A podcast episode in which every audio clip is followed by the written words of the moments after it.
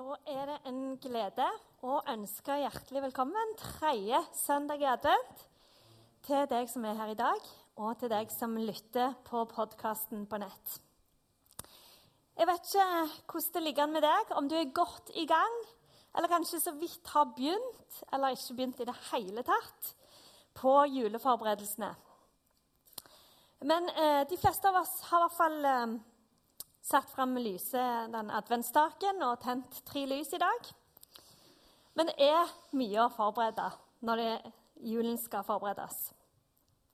Og mange av oss har gode minner eh, fra barndommen om hvordan vi feirer jul. Lukta av juletreet, f.eks., eller spenningen av å se gavene under treet.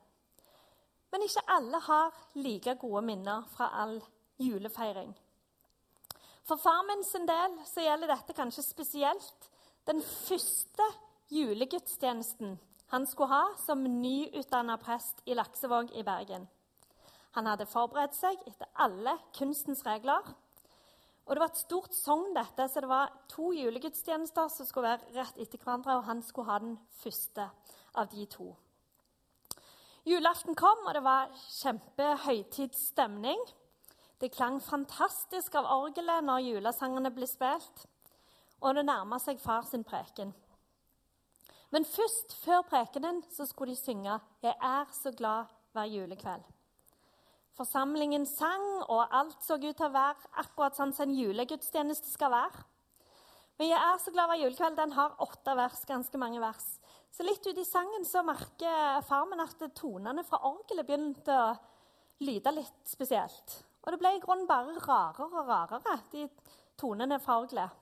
Og på siste verset så har han bare et jevnt brus fra orgelet. Men tonene de slutter i, i riktig tid, så far gjør seg klar, går opp på, går på prekestolen og preker. Under prekenen så legger han merke til at det, på sida av porten Se for dere den sånn prekestol i domkirka, der det går opp en trapp, og så er det en liten sånn port du kan lukke igjen. Så legger han merke til at det er litt bevegelse ut forbi den porten der, og stikker liksom en hånd med en lapp opp. Eh, og far tar lappen og leser. 'Organisten kan ikke spille mer, kan du spille til siste sangen?' Og for, far så var ikke det egentlig noe problem, for han spilte mye piano på den tida. Så han preiker ferdig, går ned og setter seg til pianoet og spiller 'Deilig av jorden'. Og puster letta ut etterpå. Etter en gjennomført første julegudstjeneste som nyutdanna prest. Det var bare det at når han kommer ned i sakristiet, så står, møter han diakonen og sønnen til sognepresten, og de er helt bleike om nebbet og sier, 'Hva skal vi gjøre? Organisten er død.' Han har rett og slett spilt seg inn i himmelen til jeg er så glad hver julekveld. Så det forklarte jo de rare tonene med orgelet. Og Grunnen til at de stoppa i tide, var at uh, diakonen hadde gått opp for å se hva som skjedde. Så han hadde klart å løfte den vekk akkurat idet siste takten var slutt. Uh, så det ble en utrolig spesiell opplevelse for dette. På en måte, Mange ganger så flirer han litt av det. For det er litt komisk, men så er det litt tragisk. Og så er det òg litt vakkert, faktisk. For at denne organisten, som var en utrolig eh, trofaste sjel, han får avslutta livet og tjenesten med å spille 'Jeg er så glad hver julekveld'. For da ble Jesus født. Jeg måtte slå opp denne sangen og lese gjennom disse åtte versene. Og det ble ganske sterkt, dette. Vi så på vers 3, f.eks., som er sånn som dette. Nå bor han høyt i himmelrik. Han er Guds egen sønn. Han husker alltid på de små og hører deres bønn. Han husker på alle små. Han husker på alle oss. Og så hører han alle våre bønner. Og det åttende verset, som eh, sannsynligvis var da han døde, det lyder sånn Jeg holder av hver julekveld og av den Herre Krist, og at Han elsker meg igjen. Det vet jeg ganske visst. Og her er dagens tema oppsummert i dette. Vi er godt i gang med prekenserien Juleforberedelser, som vi så på bildet her. Og Siden flere, av oss er opptatt av juleforberedelser, så hadde vi lyst til å ta dere med på en prekenserie med samme navn. Eh, for å se på hva slags juleforberedelser er det Gud har gjort for oss. Og I dag stiller vi spørsmålet har vi huska alle. Og Det er ikke for at du skal få høye skuldre og tenke hvem du har glemt i julekortet, eller hvem du har glemt å handle gave til, men det er for å se på dette spørsmålet fra Guds perspektiv. Og Vi øl lyst til å begynne med å se på hva skjedde her i Betlehem. Jo, keiser Augustus. Augustus som betyr majestetisk eller ærverdig. Han var stor, han var mektig. Han sendte ut befaling om at det skulle skrives inn i manntall. Som de gjorde av og til. Og så vet Gud å time dette. For Guds plan var, som vi leser i profetiene f.eks. Mika 5, at eh, Jesus han skulle bli født i Betlehem. Um, vi leser fra Mika 5,1.: Men du, Betlehem, Efrata, den ringeste blant ættene i Juda. Fra deg lar jeg det komme en mann som skal være hersker over Israel. Han har sitt opphav i gammel tid. Han er fra eldgamle dager. Og vi aner en liten utfordring her. For Maria og Josef de befinner seg i Nasaret.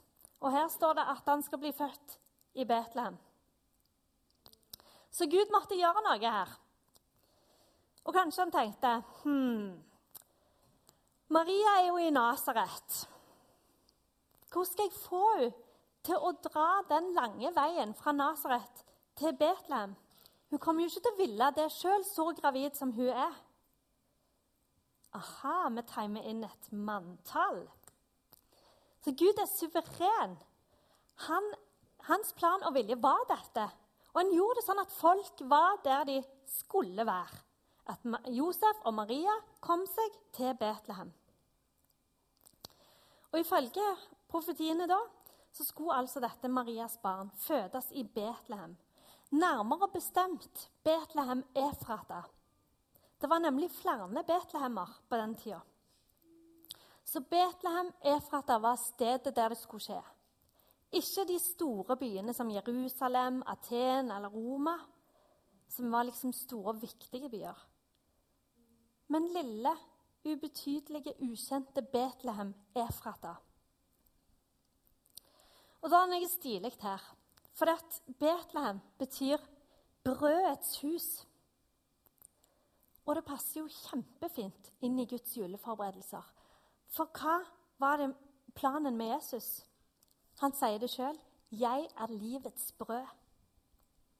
Og når Jesus på slutten av sitt liv på jorda innstifter nattverden, så sier han når han bryter brødet 'Min kropp gitt for deg'. Ta dette og spis det til minne om meg. Og så er det med å understreke at vi er blitt ett med han. Så barnet skal altså fødes i Betlehem, i brødets hus. Og disse Messias-profetiene de er fulle av sånne linker til Jesus. Og jeg elsker å gå i dybden på disse, spesielt nå i denne tida før jul. En annen ting er dette med stallen og krybben. Mange av oss har gjerne sånne krybber stående hjemme som vi pynter med. Og vi har en som har fått eh, fra Israel i tre. Veldig fine. Men selve krybben sier nemlig noe om Guds juleforberedelser.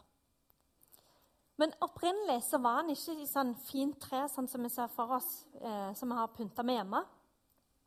Men det var mer en steingrop som maten til dyra ble lagt i. Og faktisk så kan vi relatere denne til Jesu grav. For han ble svøpt i linklede og lagt i steingrop både når han ble født, og når han ble gravlagt. Han fødes i matgropen til dyra og sier sjøl i nattverden dette er min kropp, gitt for deg. Så vi kan få lov å ta imot det verket han gjorde når han døde. Det kryr av røde tråder her, hvis vi ser nærmere på disse hendelsene. Og det hele er en invitasjon Og ingen er glemt av Gud. Og det ser vi spesielt når vi leser om gjeterne.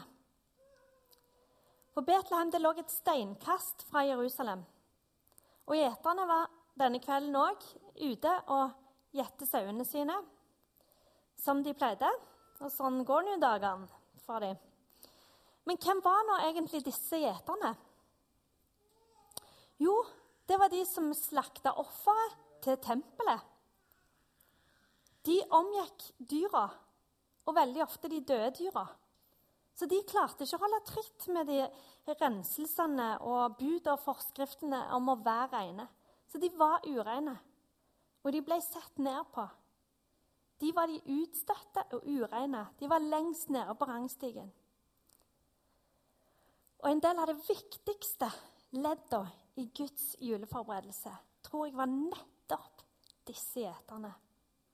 De ble invitert til å komme og se. De som var utstøtt, de som var outsiderne, som ikke var anerkjent.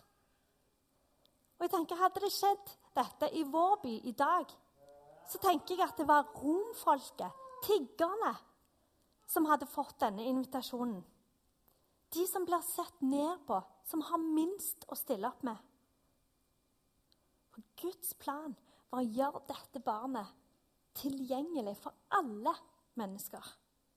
Er ikke det fantastisk? For alle mennesker. Gjeterne holdt vakt over sauene sine, og så blir himmelen lyst opp av en engel. Og så blir de redde. Men engelen sier, 'Frykt ikke. Jeg kommer til dere med bud om en stor glede.' En glede for hele folket. I dag er det født dere en frelser fra Davids by. Han er Messias Herren. Og dette skal dere ha som tegn.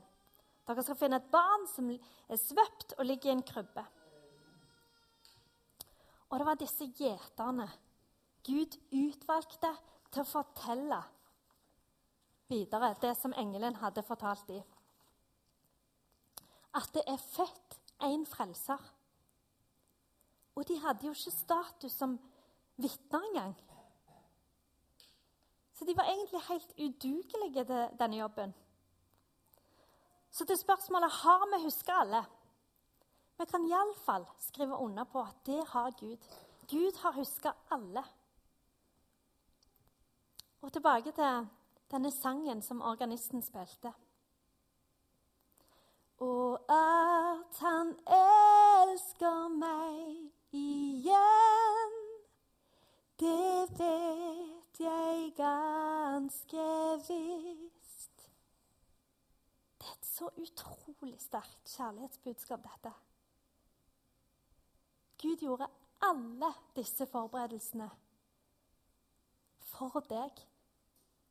Fordi han elsker deg så ufattelig høyt.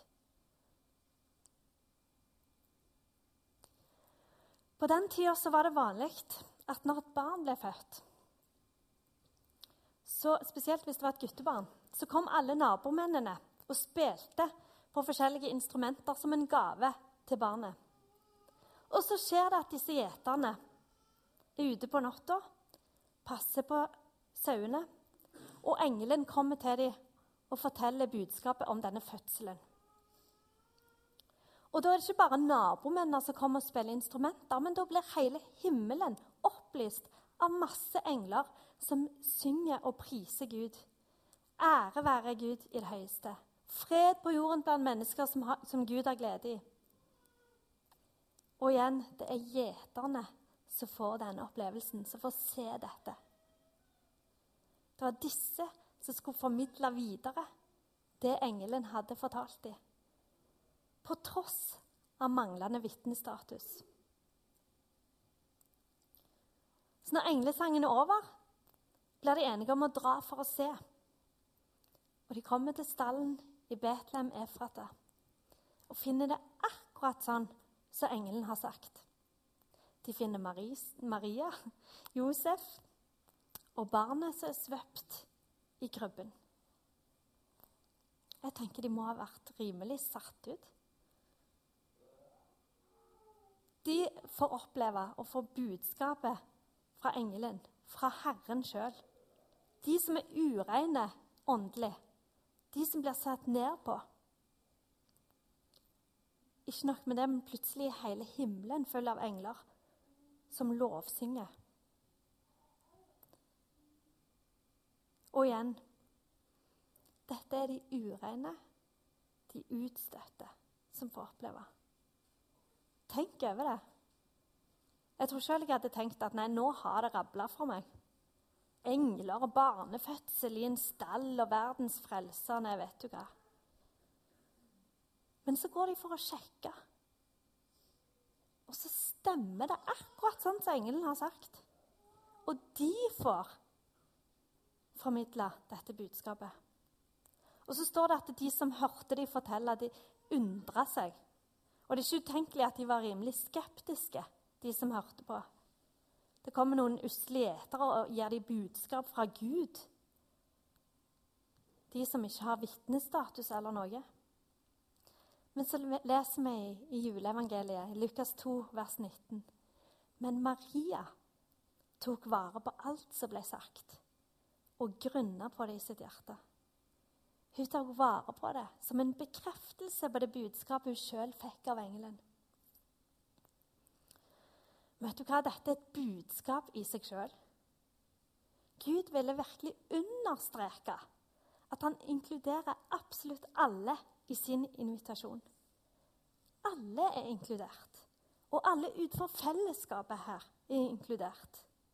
Alle mennesker i alle samfunnsklasser alle. Ingen er for dårlige, ingen er for gode til å ta imot denne invitasjonen som Gud, Guds juleforberedelser munner ut i, nemlig frelse for hele folket. Han vil at alle skal få del i det. Og at han elsker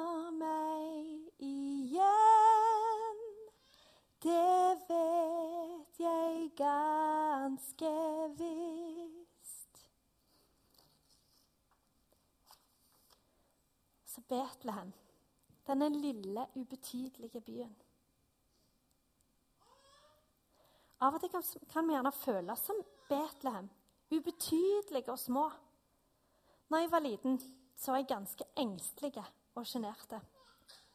Jeg husker jeg måtte pushes litt for å våge å begi meg ut på ting som for andre var vanlige, dagligdagse, lette sysler.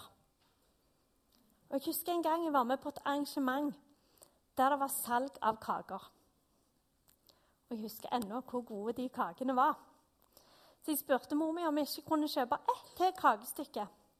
Og Da tror jeg mor mi så sitt snitt til å pushe meg litt og sa at hvis jeg skulle ha mer, så måtte jeg stå i køen og si til de bak disken hva slags kake jeg ville ha. Og det tenker du gjerne at det, det er jo lett. Men for lille, sjenerte meg så var ikke det lett. Men det er én ting jeg ikke har forandra meg på, og det er at lysten på kakene vant. Så jeg kvinna meg opp, stilte meg i kø, og der sto jeg både lenge og vel. For jeg var jo liten. Det var ingen som så meg. Ingen la merke til meg der i køen. Og den ene voksne etter den andre gikk forbi meg og fikk kjøpt kakene sine. Så det endte med at jeg gikk grinende ut i køen og måtte få assistanse fra far min for å få kjøpt den kaka. Kjenner du følelsen? Den er liten og ubetydelig og usynlig. Det er grusomt. Og sånn kan vi føle oss av og til. Men vet du hva? Det var til oss Jesus kom. Til oss der vi kan føle oss små og ubetydelige. Jeg vet ikke hva forhold du har til julens budskap. For mange er denne høytiden et skikkelig høydepunkt nettopp fordi Gud kom. Han ble menneske for å reparere denne relasjonen mellom Gud og menneske som var brutt, for å gi oss fred. Mens andre, for andre er det gjerne vanskelig å forstå og ta imot dette. Og kanskje er du i en situasjon som virker helt håpløs. Men vit at du er ikke glemt av Gud. Og at han elsker meg igjen, det vet jeg ganske visst.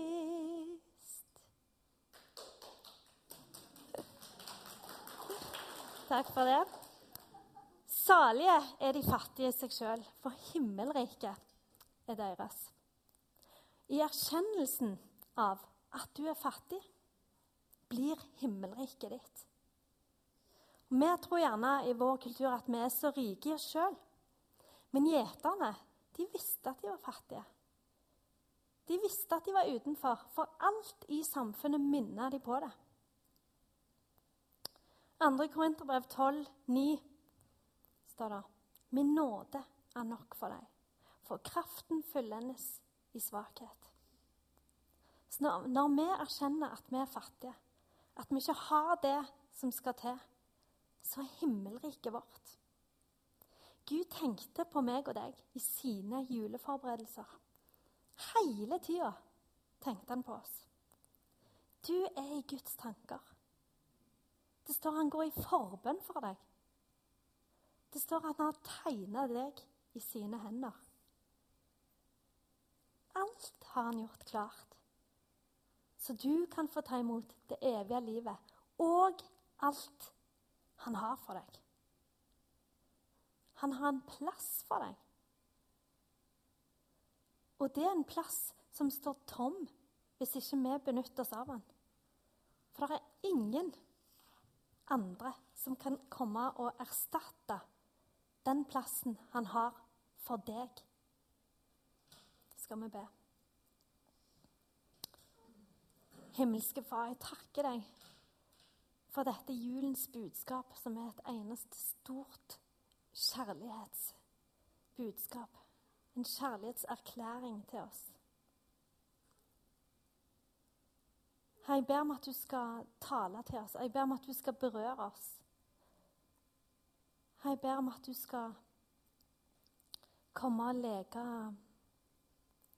sår, Herre. Jeg Ber om at du skal komme med trøst og oppmuntring.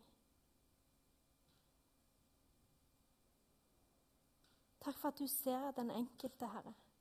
Du ser alt vi tenker på, strir med og gleder oss over, bekymrer oss over. Herre, jeg ber om at vi skal få gå inn i denne julen med en visshet om at du elsker oss.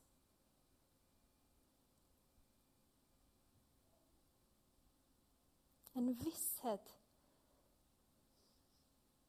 helt innerst inne om at vi er høyt elsket av deg.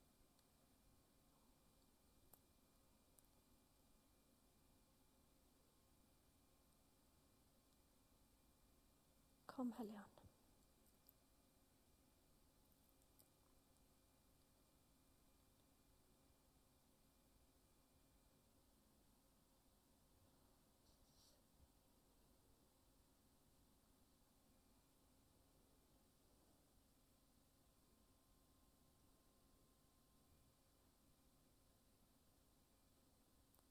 Jesu navn.